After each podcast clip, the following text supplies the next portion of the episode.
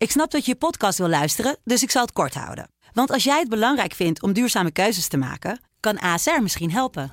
Nou hoor ik je denken, hoe dan? Nou, bijvoorbeeld bij het duurzaam herstellen van schade. Of de premies die we beleggen volgens ons duurzaam beleggingsbeleid. Dat bepaalt waar we wel en juist niet in investeren. Wil je meer weten over welke duurzame keuzes ASR maakt? Ga dan naar asr.nl/slash duurzame keuzes. ASR doet het. Zo, dan kan je nu lekker naar je podcast luisteren. 2020 door de ogen van Kitty Herwijer. De coronacrisis. Die raakt iedereen, maar degenen die het toch al niet zo goed hadden, nog harder. Vooral in achterstandswijken nemen problemen als armoede, huiselijk geweld en criminaliteit toe. Ook over de positie van jongeren zijn er zorgen. We zijn ontzettend bang dat uh, deze generatie een beetje een verloren generatie wordt. En dan wil ik mij vandaag speciaal richten tot jongeren in Nederland. Jullie zijn de toekomst. De jongeren zijn de toekomst. De coronapandemie tekent 2020. Inmiddels is het de tweede helft van december en dus het moment om terug te blikken op het jaar. Tijd voor reflectie. Dat doen we in deze podcast in een serie gesprekken. Ik uh, kwam dan Oela, ga in gesprek met Telegraaf-columnisten. Was het een jaar om snel te vergeten of juist één om in te lijsten? Een historisch jaar of niet? Wat waren de hoogte- en de dieptepunten? In deze aflevering Kitty Herwijer, elke dinsdag te lezen op onze site en onze apps. Ja, Kitty, jij bent volgens mij wel een van onze jongste, misschien wel de jongste columnisten. Ja, ik denk het wel, ja. ja ik ben 30. Dus, ik ben 30 jaar. 30, nee, ik, ja. ik, ik, dacht al toen ik aan die zin begon, dat is natuurlijk wel heel ongepast om meteen te beginnen naar je leeftijd ja. te vragen. Ja, ik heb er niet zo moeite mee, maar um, ja. Maar dat was dus ook een kroonjaar voor jou dan? Ja, zeker, zeker, zeker. Ja, nou, de column begon al vorig jaar, maar um, nou ja, als je dan een heel jaar uh, weer aan columns hebt geschreven. Ja, dat is superleuk natuurlijk. Het is een hele grote eer om ja. uh, zo'n prominente plek te hebben. En in 2020 is 30 geworden. Ja. Dus ja. hoe dan ook een bijzonder jaar. Ja. Um, we gaan zo uitgebreid met je praten over uh, allerlei onderwerpen. Maar ik toch om wel een beetje in, de, in het begin zo af te trappen. Uh, een aantal woorden die in jouw columns terugkwamen. Tikkie-terreur, knip- en plak-feministen, de botox-generatie. Dit zijn, dit zijn onderwerpen die je bezighouden of zijn dit gewoon dagelijkse waarnemingen? ja, nou allebei denk ik. Het is altijd wel leuk om gewoon met woorden te spelen of om nieuwe woorden uit te vinden. Ik weet niet of ik al deze woorden zelf heb uh, uitgevonden ja, om het gewoon een beetje samen te vatten wat dat dan is. Dus bijvoorbeeld over tikkies. Ja, ik zie dat echt als een terreur dat mensen de hele tijd tikkies naar elkaar sturen. Uh, dus dan is het leuk om gewoon daar een goed... Maar heb je dat nou nog steeds? Want dat is een beetje gestopt sinds, die, sinds de horeca dicht is. Ja, dat is ook uh... zo. Dat is ook zo. Um, ja, dat was een van die onderwerpen waarvan ik dacht... oh ja, daar wil ik echt nog een keer iets over schrijven. Dus en toen zag ik een keer een haakje, uh, omdat er weer in zo'n rubriek... dus iemand zei, ik heb een tikkie gekregen voor een rouwboeket... Dus dan kan je het daaraan ophangen en dan denk je, ja, nu moet ik het zeggen. Het is ja. echt totaal belachelijk. Wat is de ja. meest gekke tikkie die je hebt gehad? Nou, ik ben best wel uitgesproken over wat ik ervan vind. Dus mensen durven mij geen tikkies te sturen. maar ja, ik denk wel eens dat ik uh, ja, wel gewoon tikkies voor een heel klein bedrag of zo. Of 1,50 of zo voor koffie. Dat je dan denkt, oké. Okay. Ja. Why? Why? ja. Nou, we gaan het, ook over dit onderwerp hebben, maar we, we, het heeft wel te maken trouwens, Tiki Terreur, met het geld van de millennials. Uh, hoe ja. rijk is de millennial nou? Komt zo uh, terug. Uh, antisemitisme zal ongetwijfeld de revue passeren en complottheorieën. Ja. Maar eerst toch even wat, want je zei, vertelde net, je eerste hele jaar als columnist, een jaar ja. dat je 30 bent geworden. Mijn vraag die we aan iedereen stellen, hoe was dit jaar voor jou? Ja, een heel vreemd jaar natuurlijk. ja, dat was het voor iedereen. Ja, in het begin dacht ik wel echt, ja, wat, wat overkomt ons? Ik denk dat iedereen dat had. Mhm. En uh, ik was ook wel echt heel erg bang om corona te krijgen. Dat is nu iets minder. Al let ik nog steeds best wel goed op. En waar uitte dit zich in als je, als je bang was? Als ik een boodschap ging doen, dat je helemaal een soort van, ja... Uh, nou, mondkapjes waren toen niet beschikbaar, maar wel dat je echt heel goed oplet. En in het begin was het dus ook helemaal nog niet heel erg duidelijk of corona gewoon heel erg op uh, oppervlaktes of zo kon blijven zitten. Dus was je eigenlijk bang bij elk pak melk wat je vastpakt in de supermarkt dat er misschien corona op zou zitten. En gewoon ja, heel paranoïde, ja, echt veel afstand. Ja, dat is heel raar. Er, er gebeurt dus iets, een soort klinisch besef of zo. Mhm. Dat, en dat had ik nog nooit in mijn leven gehad. Ja, ik ben, heb helemaal geen aanleg echt voor uh, smetvrees of zo. Maar ja, toen dacht ik opeens, oké, okay, zo voelen mensen zich dus die Ja. smetvrees hebben. Dat iedereen dus, je ziet niet gewoon meer mensen, maar iedereen is een potentiële besmettingsbron of vies eigenlijk. Ja. Iedereen wordt vies. Ja.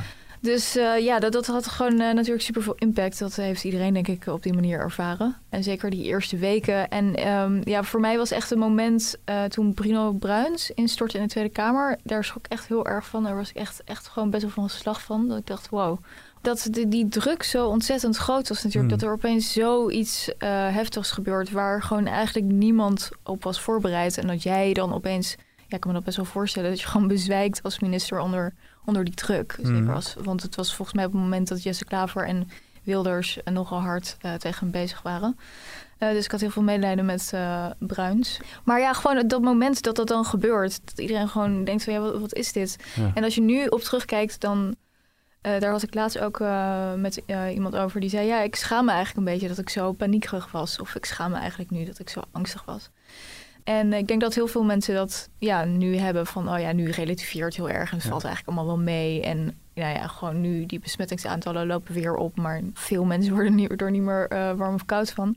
Terwijl in het begin was echt... ja, voelde je gewoon heel erg die dreiging... omdat mensen gewoon echt heel bang waren eh, Erg- ja, wat er ging komen. Ergens hebben we die paniekschaamte nodig misschien wel. eh, Nou ja, je kunt je inderdaad afvragen. Inderdaad, veel mensen maken zich voor zichzelf natuurlijk ook de afweging. Moet ik heel erg bang zijn? Of wat is het waard om ja, bijvoorbeeld niet ziek te worden? Eh, zelfs kwetsbare mensen maken volgens mij die afweging van... ja, kan inderdaad een, jaar of zo niemand zien of nul risico nemen. Maar ik weet niet echt of de kwaliteit van mijn leven dan heel erg eh, vooruit gaat. Dus eh, zo gaat het altijd bij mensen. Mensen kunnen niet zo lang bezig blijven met die angst. Ik bedoel, we zijn heel evolutionair heel optimistisch ingesteld. Anders zouden we ons niet meer voortplanten en zo. Dus het is eigenlijk doodnormaal dat mensen op een gegeven moment verder gaan. En eh, ja, ik, ik, herken, ik herken mezelf daar wel in, maar hou me juist misschien wel extra goed aan de regels. Ik ben dit jaar helemaal niet ziek geworden, afkloppen hoor. Dat ik zul je zien dat ik met kerst en oud en nieuw eh, week eh, thuis op bed lig. Maar ik ben normaal best wel snel verkouden en zo. Maar wat jij net zei, mensen werden een beetje vies. Dus je, Ja. je houdt afstand, want iedereen Ja. kan een besmettingsaard zijn. ja, Ik merk echt dat ik doordat die afstand er is met mensen, dat ik dus ook niet meer, eh, dat ik dus niet meer eh, zomaar verkouden ben Ja. of ziek ben. Dus dat is wel. ja. En, maar dat is ook goed. Want voor corona was het dus al een ding dat de Nederlanders veel te weinig hun handen en zo wassen. Mhm. En in andere landen, omringende landen, eh, doen ze dat dus allemaal veel beter. Dus het is eigenlijk denk ik ook best wel goed. Dat is een beetje goede hygiëne. Geleerd om handen stuk te, te wassen. Precies, ja. Je eerste volle jaar als columnist. Ja. Nou, welke, gewoon die, toch die platte vraag. Welke column kijk je het meest positief met trots terug? Ja, als mensen me dingen schrijven van... oh, ik vind het echt heel fijn hoe jij dat verwoordt... of ik ben daar helemaal mee eens... of soms ook helemaal Mhm. niet. Dan, maar je kunt er een interessante discussie over hebben... of het brengt iets op gang, eigenlijk eh, die columns. Daar ben ik altijd eh, het blijst mee. Dat is Ja. uiteindelijk als je als columnist ook wil, toch? Dat er eh, Ja. discussie over Ja, ontstaat. ja, ja, ja. Vind je het ook belangrijk dat het goed gelezen wordt? Is dat iets waar je echt, eh, weet je, die, die, wat je op televisieland hebt, echt dat die kijkcijfers. John Ja. de Mol schijnt 's ochtends nog altijd om half acht het eerste te, eh, naar de kijkcijfers te kijken. Eh, ja, ja, ja, het is wel... Nou, ik, het, is, het is niet per se... eh, ik vind niet eh, dan opeens van dat ik een slechte column heb... als die dan niet wordt gelezen. Eh, maar ehm, ja, het doet, ja, tuurlijk. Je wil gewoon gelezen worden... en je wil dat mensen het er ja, over hebben. Ja. Veel gelezen betekent niet per se altijd geliefd. Het kan ook, eh, Nee, hè, precies. dat- Het kan ook gehaat. gehaat ja. zijn. Ja. Eh, nou, dat maakt denk ik ook wel nodige reacties eh, los. Krijg je die berichten ook in je inbox? Nou, ik heb het één keer dus... eh, over het algemeen valt het best mee. Eén keer heb ik het heel extreem gehad toen ik een column heb geschreven over Baudet. Dat was begin dit jaar. Dat Hm. was echt ongekend hoeveel berichten ik toen binnenkreeg. Ook veel veel positieve dingen, maar eh, heel veel negatieve dingen. En er zaten ook bedreigingen en zo tussen. Dus dat is wel, ja, daar schrik je dan best wel van. Ja, ik zit al heel lang op Twitter, dus je weet wel dat dat gewoon Mhm. bestaat. Nou, wat mij vooral opviel is dus dat ehm, het werd hier... eh, nou, Paul, Paul Jans heeft toen ook een column eh, geschreven om het eigenlijk op te nemen voor mij en uh. Nausica Marbe. Die ook die week een column had geschreven over Baudet. Dus hier vonden ze het heel vervelend. Maar je merkt dus wel dat eh, daar buiten... of dat mensen inderdaad toch wel geneigd zijn om te zeggen van... oh ja, dat, dat hoort er een beetje bij. Of eh, ja, daar moet je aan wennen. Of je moet een beetje dikke huid kweken. Nu heb ik helemaal niet het idee dat ik geen, geen dikke huid heb. Uh, maar dat vind ik eigenlijk wel best wel gek. Dat we dat eigenlijk normaal zijn gaan vinden. Ik bedoel, dat mensen kritiek hebben of het helemaal... Maar dat uh, doodsbedreigingen onderdeel zijn van ja, columnist zijn of politicus. Dat, ja, ik vind dat echt, eigenlijk echt uh, totaal onacceptabel. En dat we daar helemaal niet uh, luchtig over moeten doen. Ik zag laatst ook een um, uh, andere journaliste, Brenda Soter-Boscolo... Die, mm -hmm. nou, die had dan een tweet gestuurd of zo. En dan heeft een broek over. Je ziet iets onder andere geschreven. Ja, hè? ja. En die krijgt daardoor heel veel over zich heen. Omdat dan elke keer als het IS gaat. Dan, ja. En die jihadbruiden. Dan zegt zij van hé. Hey, we moeten niet de slachtoffers, de echte slachtoffers vergeten. Niet ja, de als slachtoffers neerzetten. Ja. Ja, en aan de andere kant had ze dus een keer in een tweet het woord wit gebruikt. Hm. Nou, daar waren dan mensen woedend over. Oké, daar kun je misschien over in discussie gaan. Maar het was dus niet normaal, gewoon dat gaat dan gewoon maar door. Toen zei ze dus inderdaad van, eh, nou, ik ga aangifte doen. En eh, toen zag ik veel reacties ook eronder. Van mensen die zeiden, ja, die joh, trekt je niet zo aan. En eh, kom op, en eh, een beetje dikke huid. En eh, dan denk je, ja, dat is gewoon belachelijk. Ja. Dat dat zo wordt genormaliseerd dat het dan jouw probleem is of zo. Dat mensen op die manier zich uiten. Ja, dat is het probleem en dat moet gewoon bestraft worden. Het- ze overtreden ook gewoon de wet. Ja. Dus het is heel gek. eh, ja, wij, wij denken echt nog eh, op een heel ouderwetse manier, denk ik af en toe, dat we dan zien van, oh ja, online, dat is een hele andere wereld. Maar dat is niet altijd zo. Ik bedoel, natuurlijk is het anders als iemand op straat je gaat bedreigen. Dat is veel intimiderender. Eh, maar het is ook niet normaal als iemand online gewoon eh, Mhm. je met de dood bedreigt of eh, ja, de meest verschrikkelijke wensen en zo je Ja. de oren krijgt. Dus ik vind, ja, ik vind echt, echt voor iedereen, ook voor Wilders. had laatst ook een stuk in de krant erover. Ja, dat heel veel van de mensen gewoon helemaal niet, eh, nooit worden vervolgd daarvoor. Nou, het is gestoord. Dan geef je ook gewoon geen signaal af dat dat onacceptabel is. Ze moeten dat zeker niet normaliseren. Want je geeft aan, hier bij de Telegraaf als werkgever eh, stond iedereen achter je. Nou, Ja. ja. bepaald ook een column over eh, eraan wijdt. Maar dat het normaliseren ervan, dus merk je ook dat het in specifieke groepen meer is. Bij jongeren of ouderen of, of, of, of links-rechts. Of, of maakt dat niet uit? Zag je dat eigenlijk overal? eh? Ja, je, dus het is wel redelijk normaal, gewoon denk ik, gescheld en zo op social media is wel redelijk normaal. Dus ook als je gewoon ja, de gemiddelde post op Instagram van iemand Ja. met veel volgers. Maar en ik bedoel die doodsbedreiging. Of wel Ja. daar waar mensen eh, tegen jou zeggen, maar ach joh, Ja. dikke huid, kom op. ja, misschien wel meer toch oudere mensen. Dat, eh, dat idee had ik. Dat die dan gewoon. En ik denk ook misschien omdat ze niet weten ja, hoe heftig dat is. Mhm. Of dat op social media dat dat. Ja, van oh ja, maar dat is maar Twitter. Of ja, dat is maar zus of zo. Tuurlijk, je kunt ervoor afsluiten. Je kunt er gewoon afgaan en zo. En dan, eh, dan heb je er geen last van. Social media is gewoon een heel groot onderdeel van heel veel mensen hun leven. Dus Ja. het is gewoon het echte leven. Het is niet eh, iets wat daar buiten staat of zo. Die impact kan net zo groot of misschien soms zelfs wel groter zijn. eh. Ja, nou ja, je ziet als je kijkt naar ook cyberbullying en Mhm. allemaal dat soort dingen. Dat ja, zeker voor hele jonge kinderen, wat dat betreft. eh, ja, dat is een beetje dan nu al oma vertelt, terwijl ik pas 30 ben. Maar ik ben best wel blij dat je dat. Dat wij dat niet echt hadden of zo op de middelbare school. Dat je dan ja, al op zo'n jonge leeftijd eh, naar buiten gericht op Instagram en noem maar op. En dat dat vervelende reacties of zo kan oproepen. Hey, we, duiken al diep ook eh, heftige onderwerpen in. Maar laten we ook even kijken voor de mensen die jou nog niet zo goed kennen. Die hebben je misschien nu al eh, in het kleine kwartier wat we bezig zijn al leren kennen. Maar even kijken wat, eh, waar we je nog meer van zouden kunnen kennen. Nou, wat ik denk is dat je eigenlijk een nieuw soort elite hebt. Het wordt de quinoa-klasse genoemd. Dat is de aspirational class. Het is lastig om vanuit het niets heel succesvol te worden op dit platform. Op eh, andere platforms doen we natuurlijk de hele tijd alsof het niet om seks gaat. Maar dat gaat het natuurlijk gewoon vaak wel. Natuurlijk, als je het fijn vindt om quinoa te te eten, dan mag Ja. dat gewoon. Ik ben zelf opgegroeid in een achterstandswijk en ik heb zelf heel goed onderwijs gehad. En daar heb ik eigenlijk de rest van mijn leven profijt van gehad. Ik heb het altijd verdiend of zo waar ik sta. Dus als iemand het niet redt, dan ja, heeft het aan zichzelf eigenlijk te wijten. Ja, ik denk niet dat dat zo is. Ja, tuurlijk, je hebt zelf invloed op je leven, maar ja, het hangt ook van bijvoorbeeld geluk af. Toen ik politicologie studeerde aan de VU, dan merk je dus heel snel dat als het gaat over zou je meer lager opgeleiden in de Kamer moeten hebben, dat mensen zeggen nee, want die mensen zijn dom. Ja, dat zijn gewoon dingen die vrij normaal zijn ook om te horen in de kroeg. Of je moet PVV'ers het stemrecht afnemen. Dat, dat, dat zijn gewoon in bepaalde kringen zijn dat hele normale dingen om te zeggen. Nou, uitgesproken meningen. Ja, Hey, wat- wat je aan het einde zegt, misschien moeten we daar nog even op doorgaan. Dat, dat ik denk dat ergens ook wel dit jaar, juist door die coronacrisis, ook weer die kloof tussen mensen die het goed hebben en minder goed hebben. Volgens mij ook een onderwerp waar jij, eh, Ja. waar je ook veel mee bezighoudt. eh die werd toch denk ik wat zichtbaarder dit jaar op de een of andere manier. Ja, dat denk ik ook wel. Ik bedoel, eh, ja, met, in, zo, in zo'n crisis worden natuurlijk dingen gewoon eh, verder uitgediept. En ehm, nou ja, wat, wat je al, dat is een grotere trend. Dus zeg maar dat de middenklasse gewoon in Nederland onder druk staat. Ja, dat de kansenongelijkheid toeneemt. En dat vind ik heel erg. Ja, Ehm, waarom? Waarom vind je dat dan zo'n belangrijk thema? Ja, omdat ik, ik, ik- sowieso, ik bedoel, het talent in, in de samenleving is gewoon eh, verdeeld. Je wilt gewoon dat iedereen gewoon de kans krijgt om zich te ontwikkelen. En natuurlijk, dat kan je nooit helemaal ideaal krijgen. Maar ik denk in Nederland, wat bijzonder is aan Nederland, is dat we daar echt een heel eind altijd mee zijn gekomen.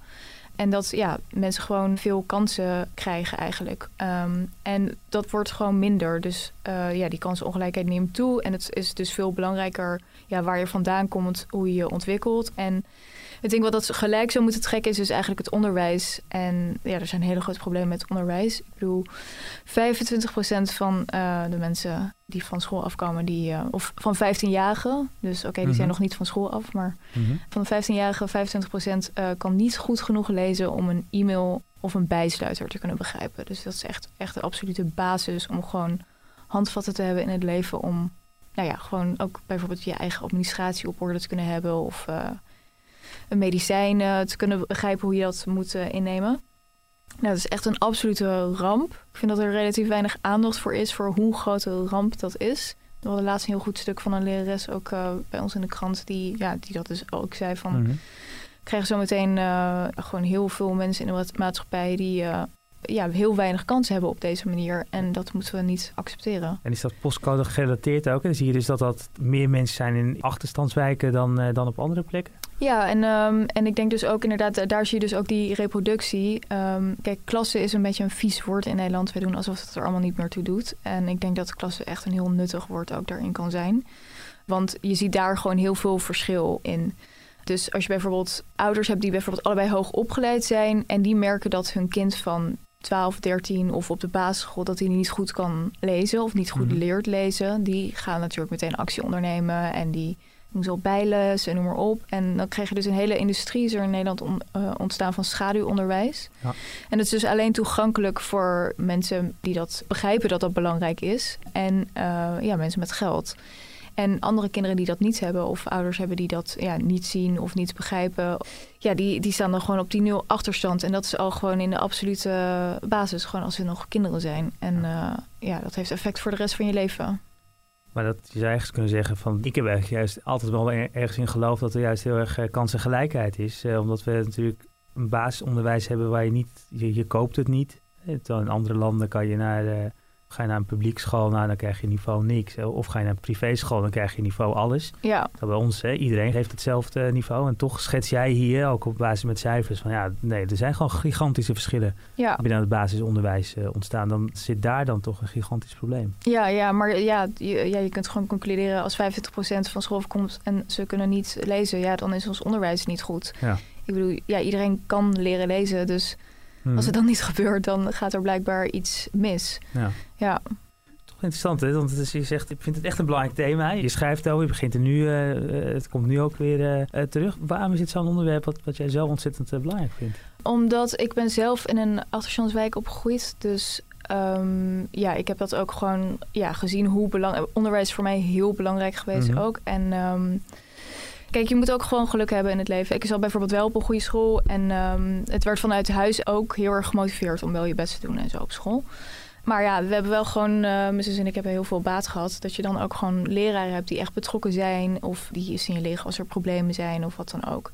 Ik heb wel echt het gevoel dat ik daardoor um, ja, mijn talenten heb kunnen ontwikkelen. En dat gun ik elke kind. Mm -hmm. En als het gewoon minder wordt, dan, dan is dat... Dat is gewoon heel onrechtvaardig. Um, ja, dat niet iedereen diezelfde basis zou kunnen meekrijgen op die manier.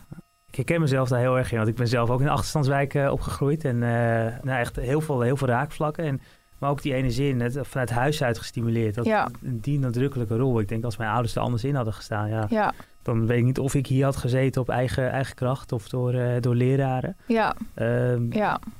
Ja, en dat kan je natuurlijk nooit echt beïnvloeden. Ik, nee. ik heb ook um, in Den Haag had ik ooit buren en um, uh, want ik kom dus eigenlijk uit Den Haag. Mm -hmm. En uh, die hadden ook uh, kleine kinderen. En die waren altijd tot heel laat, zeg maar, buiten. En maar ze gingen dus ook al naar de basisschool. En dan denk je, ja, ja, volgens mij, het is een beetje van de afstand judgen. Maar ik denk wel dat het ongeveer klopt.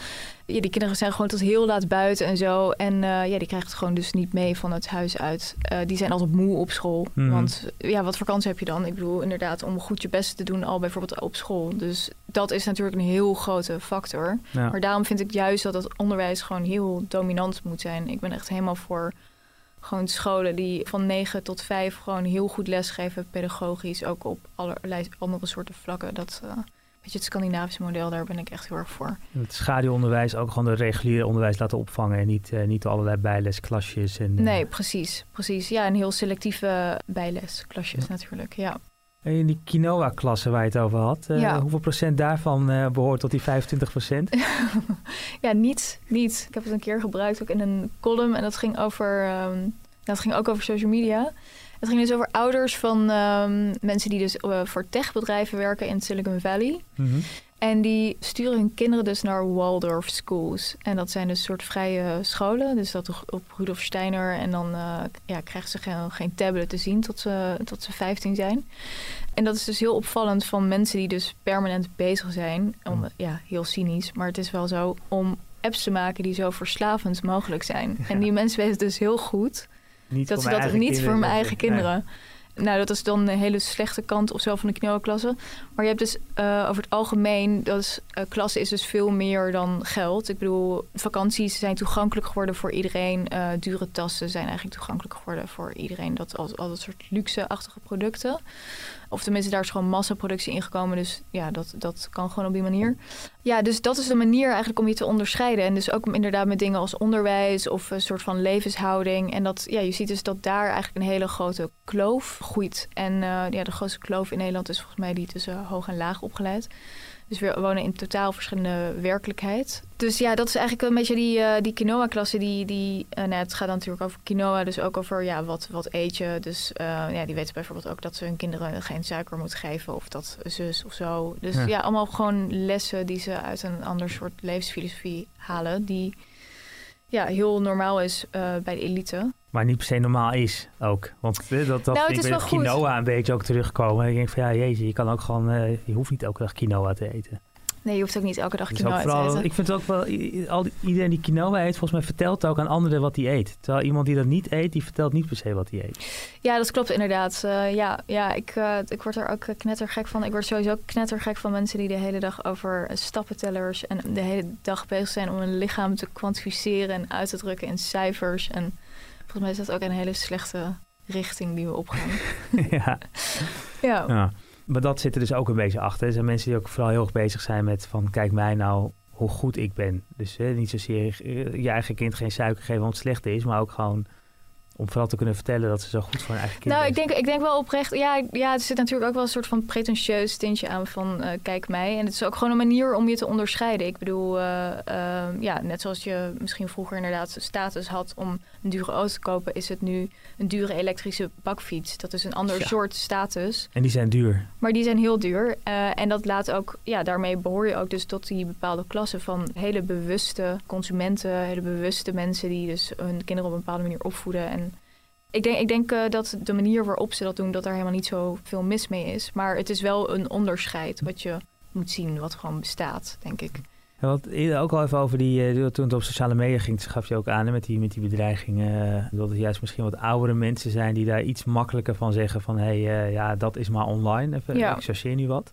Want we hebben het nu over de kloof tussen de klassen, zoals Mhm. jij dat beschrijft. Je zie je die kloof ook met oud en jong op dezelfde manier ontstaan? Ehm, ja, Ehm, ik merkte wel. Ik hou, ik hou niet heel erg van dat een soort van oké boomer-achtige debat. Boomer was vorig jaar het woord van het jaar daardoor. Maar het is natuurlijk wel, ik weet niet, je moet sowieso niet heel erg generaties gaan generaliseren, denk ik. Maar ehm, ik ga toch doen. De boomers. het is meer, het gebeurt omgekeerd wel. Dus Ehm, je merkt dus ook bijvoorbeeld in deze crisis, dus eh, nou, er komen best wel veel problemen op van gewoon jongere groepen, dus eh, millennials, dus ik ben zelf een millennial en daaronder dus eh, generatie Z. Dus je ziet bijvoorbeeld dat driekwart van jongeren heeft, schijnt dus psychisch te lijden in, Mhm. in, in de coronacrisis. Dus dingen als, nou ja, stress, nou ja, dat zullen best wel veel mensen ervaren. Maar ook depressie, angst, noem maar op. Allerlei dingen die daarbij komen kijken. Dan zie je heel snel de reacties van boomers eh, op social, social media. Van, oh ja, dan heb je weer die snowflakes en altijd zeuren en die kunnen allemaal niks hebben. En het zijn geen weerbare generatie en noem maar op. En dan denk ik, oké, tot op zekere hoogte denk ik wel dat er een snowflake element zit in mijn generatie. Maar je- dat wil ook weer niet zeggen dat je gewoon problemen niet serieus moet nemen. En het, het is ehm, dus over het algemeen vind ik, in hoeverre nogmaals je over die generatie kan spreken, dat je kunt wel zeggen dat er gewoon verschil is geweest in generaties. En uh, als je kijkt naar de babyboomers, die hebben gewoon redelijk de wind in de zeilen gehad. En dat wil niet zeggen dat ze niet een moeilijk leven kunnen hebben gehad of wat dan ook, of tegenslag. Ja. Maar het is gewoon zo dat mijn generatie dingen als flexcontracten, gewoon weinig zekerheid, hoe moeilijk het is om een huis te kopen, gewoon een woningmarkt die totaal op slot Mhm. zit. Dat ik ja, boomers in hun huizen blijven zitten. ja, is dan, dan, ik snap dat ze dat doen, maar het, ja, ik vind het dan gewoon heel Ja. oneerlijk om dan de hele tijd te zeggen van, oh ja, maar het is gewoon allemaal gezeur of zo. Ik bedoel, het zijn gewoon problemen, eh, die zijn er gewoon echt. Dus daar mag ook gewoon aandacht voor zijn. En zeker in zoiets als de coronacrisis, als het de hele tijd gaat over solidariteit, wordt best wel een opoffering gevraagd van jonge mensen. Terwijl, nou ja, die kloven had je al en zo. En dan wordt er nu weer een opoffering gevraagd, terwijl, ja, de kans is niet heel groot dat wij doodgaan aan het virus. En dan, ja, dan krijg je nog een soort van grote mond toe dat je een snowflake bent. En dan denk je, nou ja, die solidariteit zou ook leuk zijn als die eh, twee kanten opwerkt af en toe. Maar iedere generatie had het steeds beter dan de vorige generatie, wordt Ja. gezegd. Hè? En nu is misschien wel die millennial generatie al de eerste die het minder Ja. heeft dan, eh, dan de vorige als het om zekerheden gaat. Ja. En die moeten elkaar tikkies sturen om, eh, om nog een beetje geld over te houden precies, einde maand. precies. Dan krijg je dat inderdaad. Nee, maar dan zeggen ze dus weer van ja, eh, millennials worden dus de rijkste generatie ooit, omdat ze dus heel veel gaan erven van babyboomers. Dus gaan erven van hun ouders.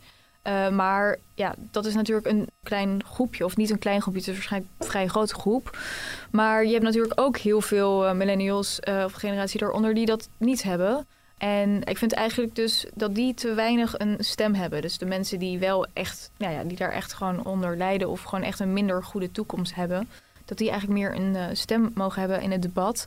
En wat je ziet in die coronacrisis is dat alleen maar mensen die dus, ja, mensen uit de quinoa-klasse, Mhm. eh, dat die dus vaak aan tafel zitten bij eh, de talkshows. En die gaan het dan hebben over hun verschrikkelijke Tinder-date. En dat ze niet meer kunnen tinderen. En dat het een soort mensenrecht is. En dat Rutte moet benoemen dat, hoe erg dat allemaal is. Terwijl je dan denkt, ja, een soort karikatuur van een millennial wordt hier opgevoerd. Terwijl, ja, nodig gewoon even een serieus iemand uit die iets kan zeggen over... waar komt eh, het bonnetje zo meteen te liggen na de crisis. En is dat eerlijk? Een vriend van me die eh, volgens mij ook eh, vol, eh, vol millennial ben je vanaf geboren in 1980 of zo. Ja, toch? 81, ja. ja. ja. Dus ik behoor ook tot die mi- millennial groep. En, en, en zeker deze vriend van me ook. Die, die pleit echt al heel lang voor een eh 100% erfbelasting. 100 procent? Ja, Oké. ja. Dus, maar wat, dan moet je alles inleveren? alles inleveren. Oké. ehm, nou ja, ik denk niet dat ik daar voor ben. Ben jij daarvoor? Nee, ik, nee, daar hebben we het ook vaak over. Want als ik voor was, dan hoeft hij niet zo vaak met me over te hebben. Nee, ik vind dat een krankzinnig idee. En, eh, Ja. hij heeft al wat water bij de wijn gedaan. Hij zegt van alles boven een ton. Eh, Een ton, eh, maar meer dan een ton mag je niet erven. En Zeker met al die mensen die dan een huizen en dan een huis in de verkoop. En, dan, hè, Ja. dan- en je erft gewoon, als je weinig kinderen thuis bent, erf je opeens gewoon een, een half miljoen op Ja. die manier. Dat vergroot, waar we het over hebben, dat vergroot die, misschien wel die kansen, eh, eh, ongelijkheid, die verschillen eh, worden groter. Dus hij zegt van ja, alles boven dat bedrag in ieder geval eh, gewoon naar de staat. Nou ja, ik denk, ik denk wel dat ehm, Kijk, je moet, zeg maar, de reden waarom je ook graag een goed leven wil opbouwen... is ook om iets te kunnen doorgeven aan je kinderen. Alleen, het is dat mensen dat doen, daar is helemaal niks mis mee. En nee, misschien mag er wel wat meer belasting daarop eh, ehm, opkomen. Maar waar het meer om gaat, is dat mensen die het niet hebben... gewoon wel... Natuurlijk, je gaat het nooit helemaal gelijk trekken en dat hoeft ook helemaal niet. Maar je moet wel toegang hebben tot een woning. Als je gewoon een baan hebt, als je allebei gewoon werkt, dan vind ik het echt totaal belachelijk dat het, ja, dat het helemaal niet een optie is om een huis te kunnen kopen Mhm. voor veel mensen. Ja. Ehm, ja. Ja, ik zal het argument meenemen op de heel elitair als we weer staan te tennissen na afloop. ja, het eh, is ook, het- volgens mij is Sander Schimmelpenninck, die is ook heel erg eh, hiervoor. Voor nou, ik weet niet 100%, maar inderdaad Ja. voor het opvoeren van die dat is belasting. ook nog ja. een goed argument. Ik denk dat hij misschien, als ik zeg dat hij het eens is met Sander Schimmelpenning, draait hij misschien wel weer bij.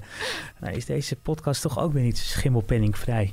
Ehm, laten, we, laten we doorgaan naar een, eh, naar een heel ander onderwerp. Eh, althans, misschien niet zo heel anders. Misschien heeft het ook wel hiermee te maken. Misschien ligt wel die, die kansenongelijkheid en slecht onderwijs ten grondslag aan een probleem wat dit jaar op een andere manier weer heel erg naar, eh, naar voren kwam. Eh, laten we luisteren naar fragmenten, dan kunnen we daarna erover doorpraten. Alleen samen krijgen wij de overheid onder controle. Ik doe niet meer mee. Model Doutzen Kroes zegt de afgelopen maanden uren research te hebben gedaan naar het coronavirus. Ik ben geen wetenschapper, ik ben geen viroloog, maar er zijn heel veel vragen die spelen vanuit het volk. Die vragen opstellen. Da- da- en, da- En die zijn te weinig aan de orde nou, gekomen. ik vind het jij. belangrijk dat we wel kritisch blijven met z'n allen. Want we hebben het alleen maar over vaccins en we hebben het alleen maar over corona. En er komt heel veel stress bij kijken. En ja, ik slik nu ook tabletten voor mijn cortisol levels. En daardoor ben ik me ook gaan verdiepen in stress. Stress is nog steeds doodsoorzaak nummer één in de wereld. Dat is mijn waarheid en die is niet gebaseerd op larikoek of dat ik gewoon zomaar dingen zeg.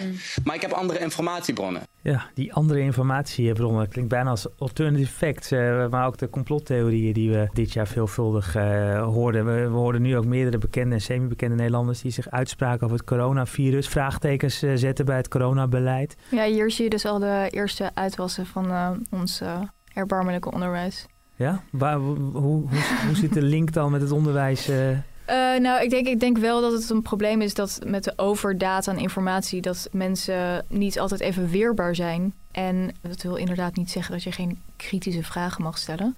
Eh, je mag zeker kritische vragen stellen, maar die stellen zij eigenlijk niet. Die worden elke dag gewoon gesteld in de mainstream media, waar ze dan Mhm. zo'n godschuwelijke hekel aan hebben. Maar ik krijg altijd het gevoel dat, of nou, ik weet eigenlijk wel bijna zeker dat ehm, de mensen die de hele tijd afgeven op de media eigenlijk helemaal geen. Ehm, ja, ik denk niet dat ze ooit eh, de Telegraaf gewoon goed lezen Mhm. of eh, een andere krant of uh, Nieuwsuur gewoon elke avond eh, kijken. Want daar komen heel veel van die kritische vragen die ze hebben, die komen gewoon langs. Daar wordt gewoon op ingegaan met allemaal mensen die dan ja, daar verstand van hebben. En ook eh, aan talkshowtafel zitten gewoon mensen die eh, nou ja, al een heel vroeg stadium kritisch waren op het coronabeleid. Zoals Jort Kelder.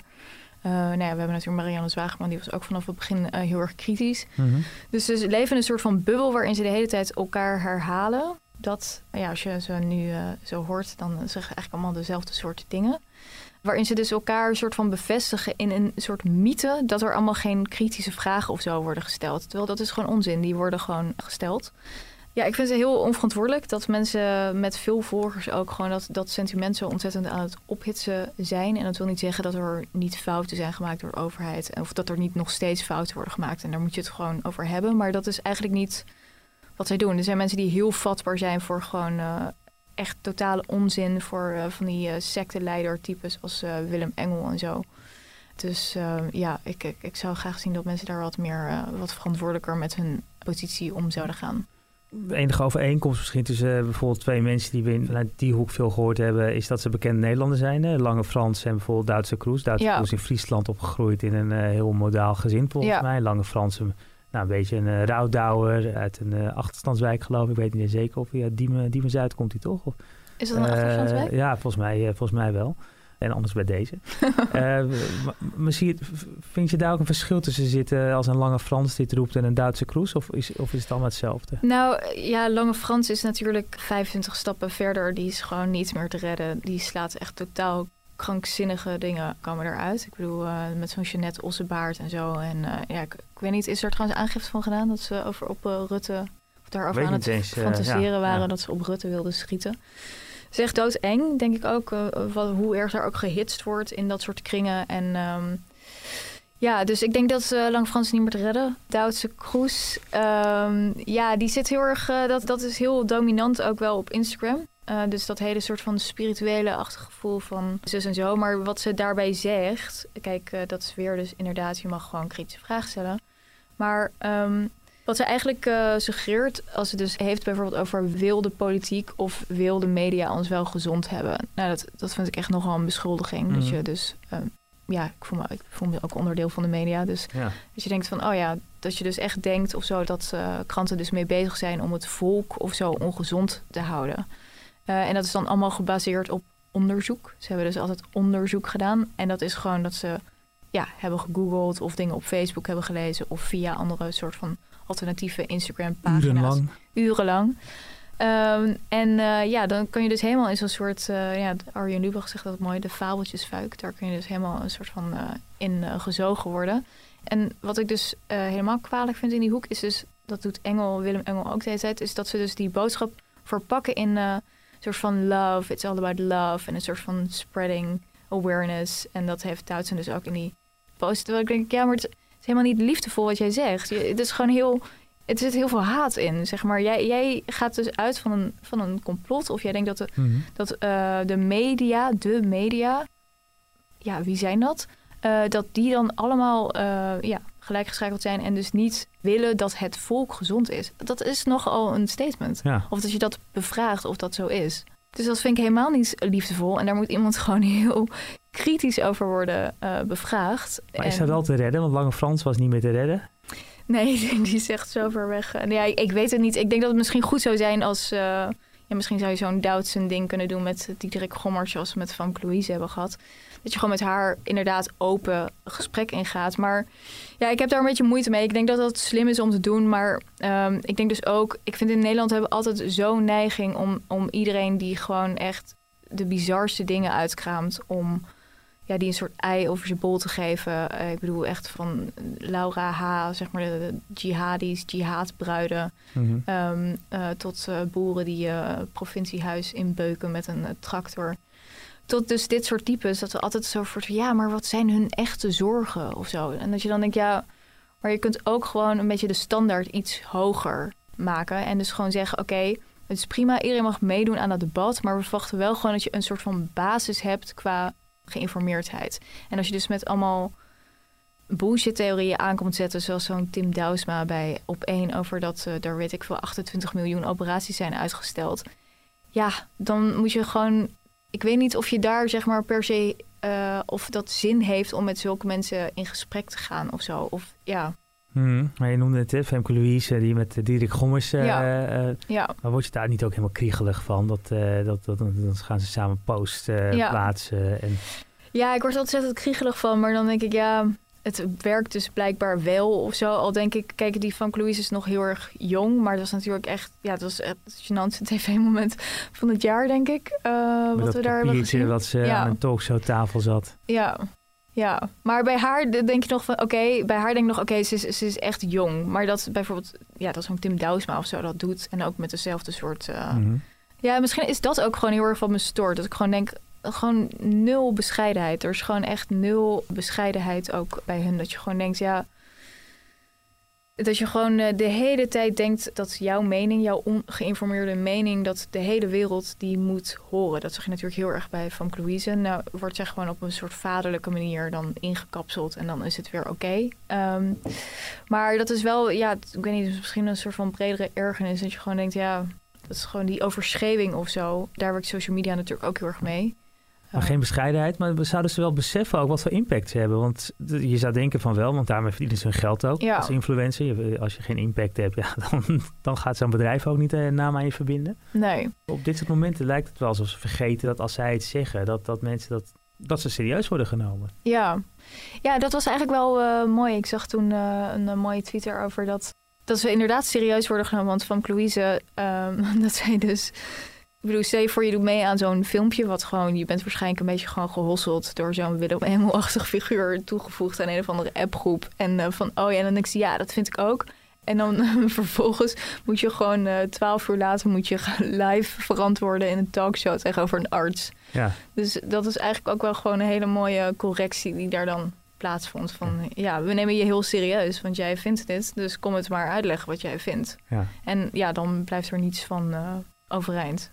En, en, en dan blijkt inderdaad wel dat ze inderdaad impact hebben. Want anders zit je niet zomaar aan die tafel eh, Nee, eh, precies. waarschijnlijk. Ja.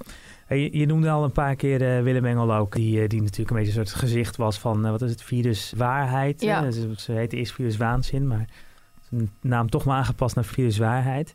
En wat daarin ook opviel, en dat, dat zie je vaak waar complottheorieën zijn, ligt antisemitisme ook op de, op de loer. Ja. Nou, dat, dat ging ook een aantal keren goed mis. Eh, zeg ik maar even met, eh, dat is niet, eh, niet heel neutraal, maar want de holocaust werd natuurlijk ook even gewoon erbij gehaald om het te vergelijken met het leed wat mensen op dit moment hebben. Laten we eens even luisteren hoe hij dat precies zei. De jodenvervolging ging om een, eh, om een eh, eh, bevolkingsgroep die uitgeroeid moest worden. En op dit moment zijn ze hier in eh, Den Haag bezig om een bevolkingsgroep uit te roeien. De vergelijkingen met de Jodenster zijn al gemaakt en ik denk dat we er niet meer ver vandaan zijn. En jij moet je gewoon inlezen en dan weet je ook dat ik geen woord Frans spreek. Dat klinkt heel hard, maar dat is wel echt waar wat er aan de hand is.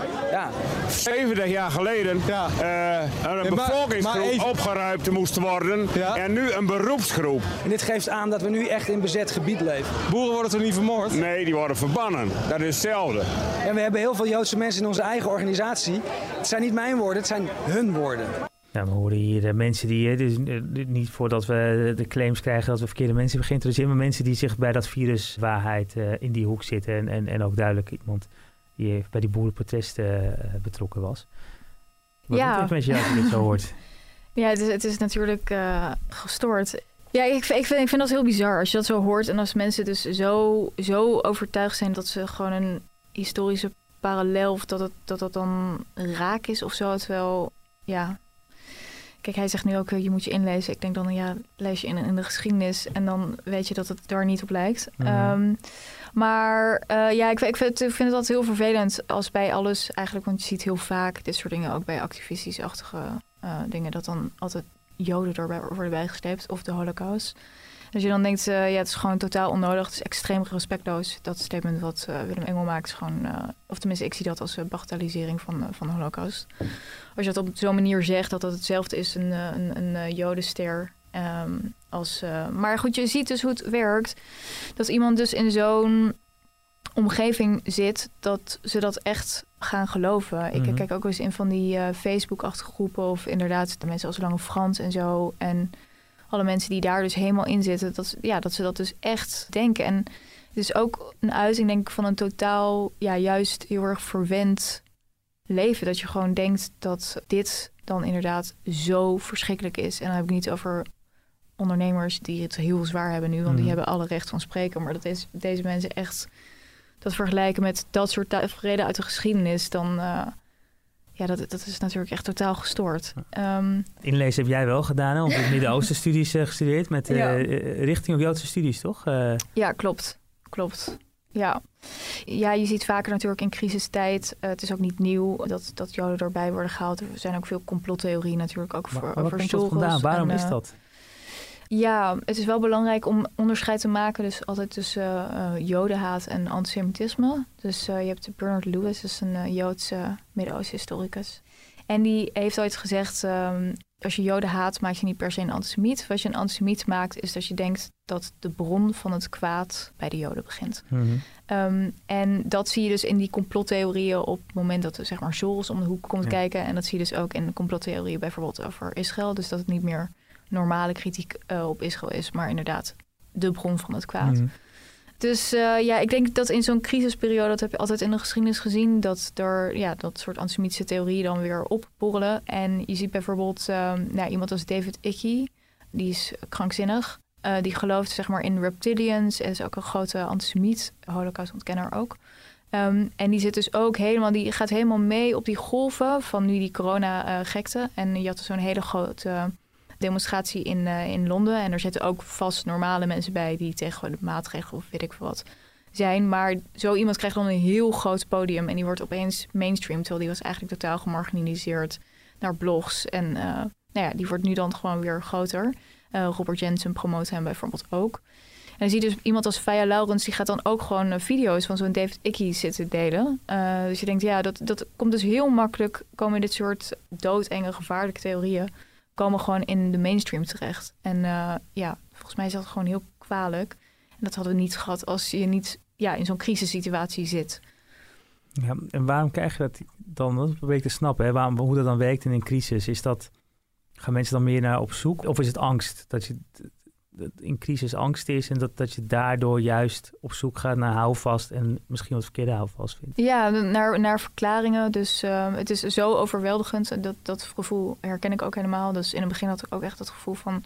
wow, het is zo overweldigend. Ja, je hebt geen grip meer. Dus mensen willen altijd gewoon graag grip hebben op dingen. En um, ja, als je dus gewoon een theorie hebt... een soort van hapklare theorie. Uh, het zit zus, zus en zo. En het komt door de joden. Nou, dat is een hele fijne theorie, denk ik. En Makkelijk ook. een heel makkelijke theorie. In plaats van iemand die het op een heel complexe manier gaat uitleggen hoe het echt zit. Ja, um, ja of hoe pandemieën werken. Of dat je daarin moet uh, verdiepen. Kijk, ja, antisemitisme, het is, het is wel een probleem, want het neemt sowieso wereldwijd dus gewoon uh, toe. Het is, het is heel logisch als je naar de geschiedenis kijkt, dat dat op zo'n moment dan gewoon uh, opkomt. Heel veel nare kanten van de crisis, maar Ja. dit, dit is zeker één die met de stip heel erg hoog staat. Ja. Laten we proberen wat uh, positief te eindigen. Ik heb helemaal geen idee, of misschien ben jij helemaal niet zo positief als we zo uh, gaan, gaan vooruitblikken. Maar voordat we vooruitblikken naar 2021, de tijd die ons te wachten staat in jouw glazen bol. Nog één keer terugkijkend, hoe historisch is 2020? Ja, ik dacht dus inderdaad aan het begin denk je, wow, dit is echt super historisch. Maar als je dan ziet in, in, in de zomer, het trekt allemaal weer heel snel aan. Dan was het leven eigenlijk wel weer best wel normaal, heel snel. En er wordt ook nu voorspeld dat het misschien eigenlijk wel zou kunnen meevallen. Dat we gewoon weer uh, back to business gaan. En dan misschien ga ik dan toch iets pessimistisch zeggen. Want um, in het begin had, uh, had je natuurlijk de hele tijd... In het begin werden er echt columns volgeschreven over... Uh, never waste a good crisis. En in het Chinese teken voor crisis zit ook hoop. En wel dat soort dingen. En ja, toen werd het echt serieus. En toen verdwenen eigenlijk dat soort columns en verhalen. Omdat mensen dachten, oké, het is misschien nu wel gewoon heel serieus. Het is helemaal niet een soort van... Een vriend van mij noemde het gezellig hongerwintertje spelen. Dat dat een beetje het gevoel was. Um, ja, het wordt misschien wel gewoon uh, ja, best wel serieus. Inderdaad, mensen gaan failliet of uh, gaan gewoon uh, sterven mensen, noem maar op. Dus dat is, dat is gewoon ja, heel naar. maar Wellebeck die zei dus al in het begin, dus toen iedereen nog helemaal in die soort van, zo'n Franse schrijver Michel Wellebeck, toen iedereen nog helemaal in die soort van tegenlichtachtig virus, wat ik weet niet hoe dat heette, maar dat was dus van, oh ja, een soort van optimistische blik. Dit is onze kans om alles anders te doen. En we gaan het helemaal anders inrichten. Toen zei hij dus al, er zal niks veranderen uh, na deze crisis. Het wordt allemaal alleen een beetje erger. Een beetje, dat vond ik, dat vond ik heel mooi dat hij dat op die manier zei. En ik denk wel dat hij daar gewoon gelijk in heeft. Dus zeg maar, er zal waarschijnlijk helemaal niet zo heel veel veranderen. En de kloof is misschien net iets dieper. En ja, er zijn net meer iets meer gekkiesachtige aangewakkerd. En, uh, dus ik vond dat het wel een heel geestig uh, citaat van hem. Dus een jaar, jaartje stilstaan om dan in ieder geval het jaar nog in te halen. Zoals, je, zoals we begonnen ook, hè, met, met verjaardagen inhalen. Maar misschien ook gewoon die achterstand inhalen, waardoor het allemaal een beetje erger wordt. Ja, maar ja goed, dat zullen mensen zeker gaan doen, toch? Ik bedoel, uh, volgens mij in Amsterdam, ja, je voelt nu al de mensen echt staan te trappelen om gewoon... Uh, trouwens, bij mij uh, in het centrum is het elk weekend een soort van festivalsfeer... Sfeer, waarin mensen gewoon buiten lopen met, met dingen die ze ergens hebben gekocht. Dus... Ja. Ja, ik weet niet. Ik denk, dit zal best wel een inhaalslag komen. En uh, ja, we moeten het zien. Heb je zelf al mooie voornemens voor 2021? Um, ja, ik doe niet echt aan um, voornemens. Minder social media. Uh, dat heb ik mezelf voorgenomen. Het is je baan. Het is mijn baan, maar uh, meer, minder social media privé. Oké. Okay. Um, en uh, meer, meer ik wil altijd meer boeken lezen. Dus meer boeken lezen. Ja. Wil je nog eindigen met een boekentip? Is er nog iets wat je dit jaar hebt gelezen? Of nou, ja. Toen de coronacrisis begon, ik had een boek gekregen ooit. En het is een, de, de Georgische Tolstoy werd het genoemd. En dat was 1200 pagina's. Nee, je begint niet zo snel aan een boek van 1200 pagina's. En um, nou, toen kwam de coronacrisis en dacht ik, nou, ik ga nu aan een boek beginnen van 1200 pagina's. En het is dus 100 jaar Sovjetgeschiedenis. Dus helemaal vanaf het begin, zeg maar, in Georgië hele familiekroniek, uh, generatie na generaties. En het is echt fantastisch geschreven. Het is echt een heel, heel mooi boek. Het heet Het Achtste Leven. Ja, dat, dat is dus ook altijd goed aan boeken. Dus als je veel nieuws volgt, veel op Twitter zit... dan kan je dus echt gaan denken van... oh, het is allemaal heel heftig nu en dit noem maar op. En dan lees je gewoon 100 jaar uh, Sovjetgeschiedenis... en dan denk je, het valt allemaal toch wel gewoon best wel mee. Dus dat is een hele goede manier om uh, te relativeren. Vroeger ja. was alles erger. Vroeger was alles erger, ja, zeker. Kitty, dankjewel. Dank dat je met ons op deze manier wilde terugblikken op, uh, op, op, dit jaar waarin uh, het misschien uiteindelijk allemaal een beetje erger werd. Maar dat zullen we pas over een jaar weer, uh, weer weten. Ja. En in het nieuwe jaar elke dinsdag gewoon weer een column. Ja. Dankjewel. En u bedankt voor het luisteren.